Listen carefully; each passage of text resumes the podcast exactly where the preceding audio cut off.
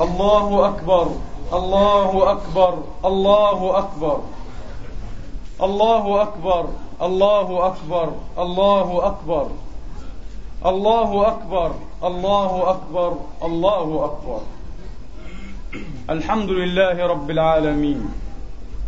إن الحمد لله نحمده سبحانه وتعالى ونستغفره ونستهديه. ونعوذ بالله من شرور أنفسنا وسيئات أعمالنا. من يهده الله فلا مضل له ومن يضلل فلا هادي له. وأشهد أن لا إله إلا الله وحده لا شريك له. وأشهد أن سيدنا ونبينا وزعيمنا محمدا عبد الله ورسوله. صلى الله تعالى عليه وعلى آله الطيبين الطاهرين. وصحابته المباركين الميامين وأتباعهم بإحسان إلى يوم الدين وسلم تسليما كثيرا. الحمد لله الحمد لله حمدا طاهرا مبرورا دائما تاما أكمل. الحمد لله على ما وفق وهدى. الحمد لله على ما أنعم وأسدى. والله أكبر كبيرا. أيها الإخوة المسلمون أيتها الأخوات المسلمات نحن بحمد الله سبحانه وتعالى وفضله في يوم عظيم مشهود من أيام الله. كلا بل هو أعظم أيام الله سبحانه وتعالى. يوم رفع الله قدره وأعلى ذكره وعظم شأنه ونوه بأمره وسماه سبحانه وتعالى يوم الحج الأكبر. أنتم في يوم الحج الأكبر. إنه يوم النحر. إنه يوم عيد الأضحى عيد المسلمين الأول والأعظم. قال سبحانه وتعالى ولكل أمة جعلنا منسكا ليذكروا اسم الله. قال ابن عباس رضي الله عنهما إنه يوم العيد. يوم عيد الأضحى. إنه منسك. أيها الإخوة مجمع لشعائر مجمع لشعائر كثيرة. تصل حبل المؤمن بالله وتذكر بجلال الله وعظمة الله وعظيم شأن طاعته والتقرب إليه. نحن هنا بحمد الله تبارك وتعالى. جماعة من المسلمين وفي الأرض أمثالنا ملايين. أما في ساح وفي عرصات منى فعباد لا يزالون شعثا غبرا يتبررون ويتقربون ويتزلفون إلى الله تبارك وتعالى بأحب الأعمال إليه في أحب الأيام إليه وفي أعظم الأوقات والساعات. لك الحمد يا رب الحجيج جمعتهم. لك الحمد يا رب الحجيج جمعتهم. ليوم طهور الساح والعرصات. إنهم أيها الإخوة قد فرغوا لا ريب الآن من رمي جمرة العقبة وذبحوا هداياهم وأضاحيهم. يقول عليه الصلاة وأفضل السلام إن أعظم الأيام عند الله سبحانه وتعالى يوم النحر. كما يقول عليه الصلاة وأفضل السلام ما عمل ابن آدم عملا يوم النحر أي يوم أو في يوم عظيم هو أعظم الأيام أحب إلى الله سبحانه وتعالى من إراقة الدم. ذبح الهدايا والأضاحي أيها الإخوة والأخوات من إراقة الدم وإنها لتأتي يوم القيامة بقرونها وأظلافها وأشعارها. وإن الدم لا يقع من الله سبحانه وتعالى بمكان قبل أن يقع على الأرض. وإن للمضحي بكل شعرة حسنة وبكل صوفة حسنة فطيبوا بها نفسا. وقد قال عليه الصلاة وأفضل السلام لابنته الزهراء البتول فاطمة عليه السلام وعلى ذريتها أجمعين. قال لها قومي يا فاطمة فاشهدي أضحيتك فإن لك بكل قطرة منها ما سلف من ذنبك. الله أكبر. فإن لك بكل قطرة منها ما سلف من ذنبك. قالت يا رسول الله ألنا خاصة أهل البيت أو لنا وللمسلمين؟ فقال عليه الصلاة وأفضل السلام تعني هذه الكرامة. هذا الأجر العظيم وهذا الثواب الجزيل. أهو خصيصة لأهل البيت من دون سائر الناس أو هو للمسلمين عامة يشركونهم في ذلك. قال عليه الصلاة وأفضل السلام بل هو لنا وللمسلمين. الله أكبر الله أكبر الله أكبر كبيرا. الحمد لله على فضله. وقد يقول قائلكم لم أشهد أضحيتي. لأني بعثت بها إلى العراق أو بعثت بها إلى فلسطين. لا عليك يا عبد الله. فإن الله سبحانه وتعالى يشهدها. وفي ظني بل في يقيني أنك ستكون بإذن الله أعظم أجرا ممن ضحى هنا وذبح وشهد أضحيته. لأن من أصبح وأمسى ولم يهتم بأمر المسلمين فليس من المسلمين. ليس منا من أصبح وأمسى ولم يهتم بأمرنا وأي أمر أعظم من هذا الأمر الذي دهم إخواننا وأهلينا في العراق بعدما ناء بكلكله أيها الإخوة عشرات السنين وأحاد العقود على أهلنا في فلسطين. والله المستغاث وإليه المشتكى وبه المستعان ولا حول ولا قوة إلا بالله العلي العظيم. وإذا كان تعظيم شعائر الله من تقوى القلوب ومما يحب الله فإن تعظيم حرمات المسلمين ودماء المسلمين ودماء المسلمين وأعراض المسلمين والاهتمام بأحوال المسلمين من أعظم شعائر الله سبحانه وتعالى.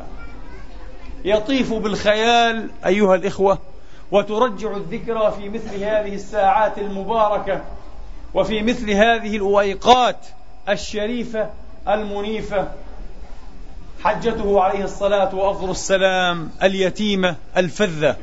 حجة الوداع. وخطابه العظيم. خطاب حجة الوداع. الذي أصبح مشهورا كنار على علم.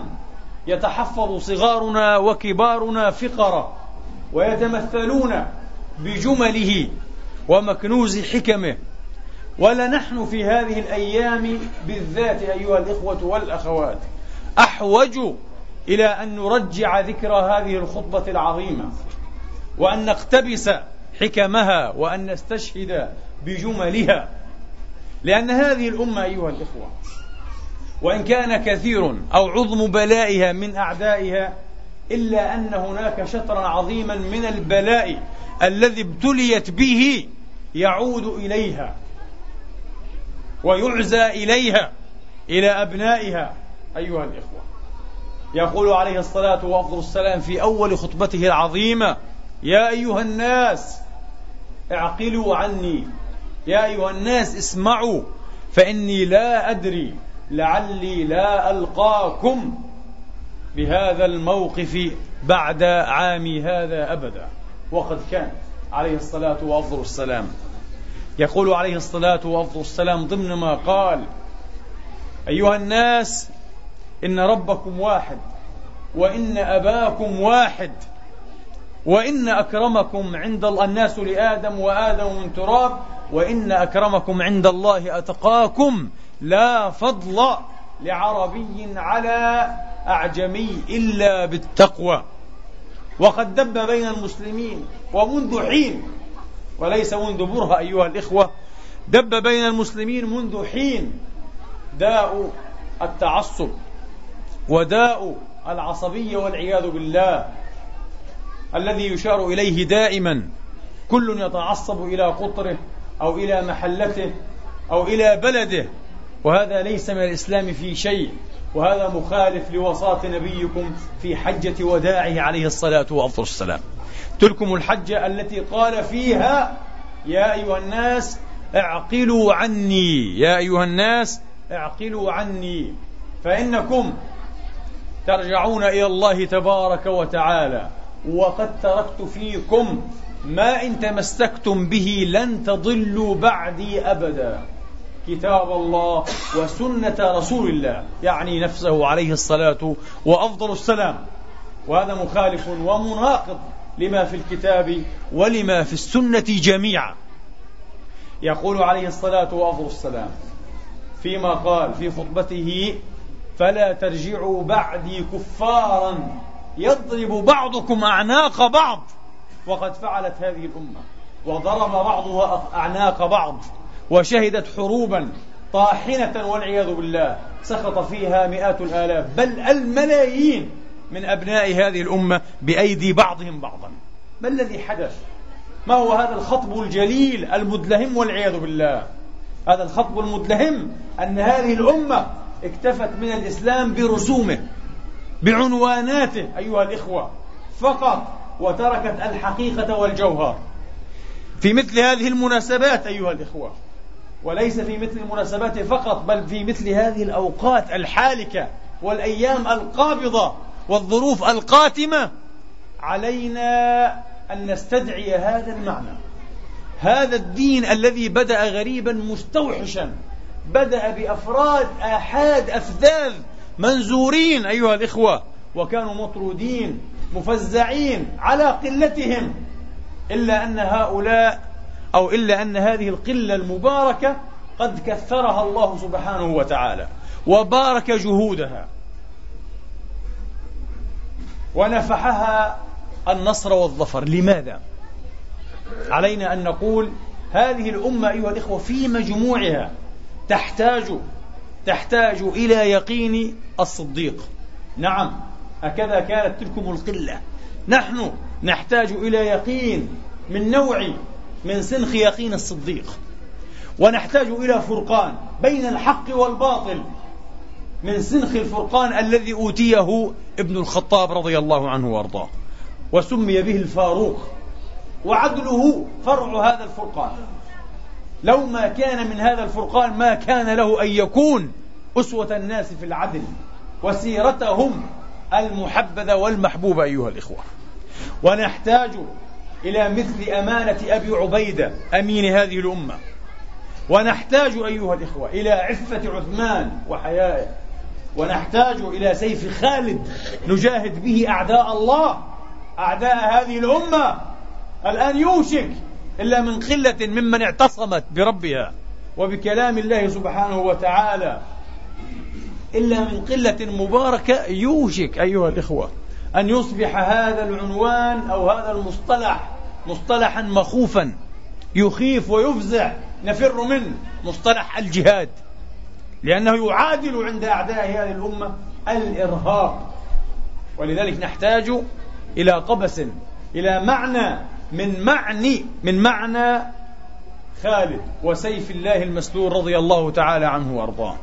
نحتاج إلى شجاعة علي إلى قلب علي إلى ربانية علي ولا جرم فجامعية علي معروفة ومقررة. ونحتاج إلى حكمة سلمان الفارسي. الأمة تحتاج أن تربى على هذه المعنى تعلمون لماذا؟ لأن هذه الأمة أيها الإخوة والعياذ بالله تتعرض الآن لحرب ضروس شعواء تريد أن تقطع البقية الباقية من وصلتها من صلتها من علائقها بمواريثها السماوية بكتاب ربها وسنة نبيها وسير أسلافها المبرورين والفضائيات والصحافة أيها الإخوة والجامعات والمنشورات والمناظرات والحكومات. كل أولئكم يعملون بتضافر والعياذ بالله. شياطين الإنس والجن. يوحي بعضهم إلى بعض زخرف القول غرورا. وقد نبتت نابت الآن ونشأت ناشئة لا تكاد تعي شيئا من علائقها بهذا الميراث السماوي العلوي. فنحن في خطر حقيقي. علينا أن نعيد النظر أيها الإخوة في مسالكنا وفي طرائقنا وفي دروبنا وعلينا أن نستعصم بهذه البقية الباقية لنا من هذه العلاقة ومن هذه الوصلة بكتاب ربنا وبسنة نبينا عليه الصلاة وأفضل السلام. فهنيئا لك أخي الذي ضحى في العراق وهنيئا لك أخي الذي ضحى بفلسطين. لا بأس عليك ولا حرج ولا حزن أضحيتك بلا شك واصلة بإذن الله تبارك وتعالى. وهذا أقل ما يمكن أن نتقدم به في مثل هذا اليوم لإخواننا المحروبين المكروبين المستضعفين في بلاد العروبة والإسلام. نسأل الله تبارك وتعالى ونبتهل إليه ونضرع إليه في هذه الساعة المباركة في هذا اليوم المشهود المبارك أن ينصر عباده الموحدين وأن يكسر شوكة الشرك والمشركين. اللهم أعل شأن الإسلام والمسلمين. اللهم أعل شأن الإسلام والمسلمين. وأذل الكفر والكافرين. اللهم عليك بأعدائنا جميعا أعداء الدين. أحصهم عددا واقتلهم بددا. ولا تبق منهم أحدا. أقول قولي هذا وأستغفر الله لي ولكم فاستغفروه.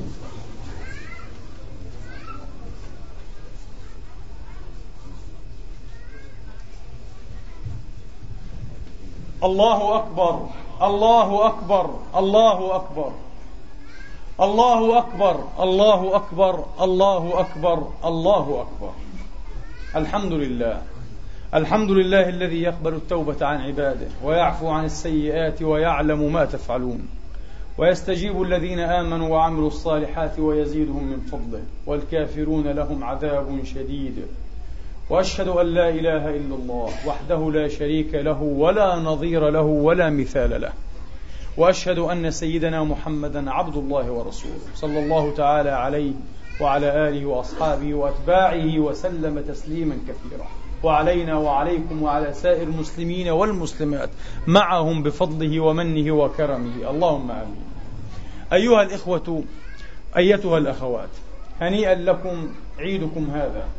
ونسأل الله تبارك وتعالى أن يتقبل منا ومنكم ومن سائر المسلمين ما أسلفوا من أعمال ومن مبرات في الأيام الخوالي ولا سيما صيامنا في يوم عرفة الذي احتسب النبي عليه الصلاة وأفضل السلام على ربه أن يكفر العام الذي قبله والعام الذي بعده. اللهم تقبله منا خالصا يا رب العالمين.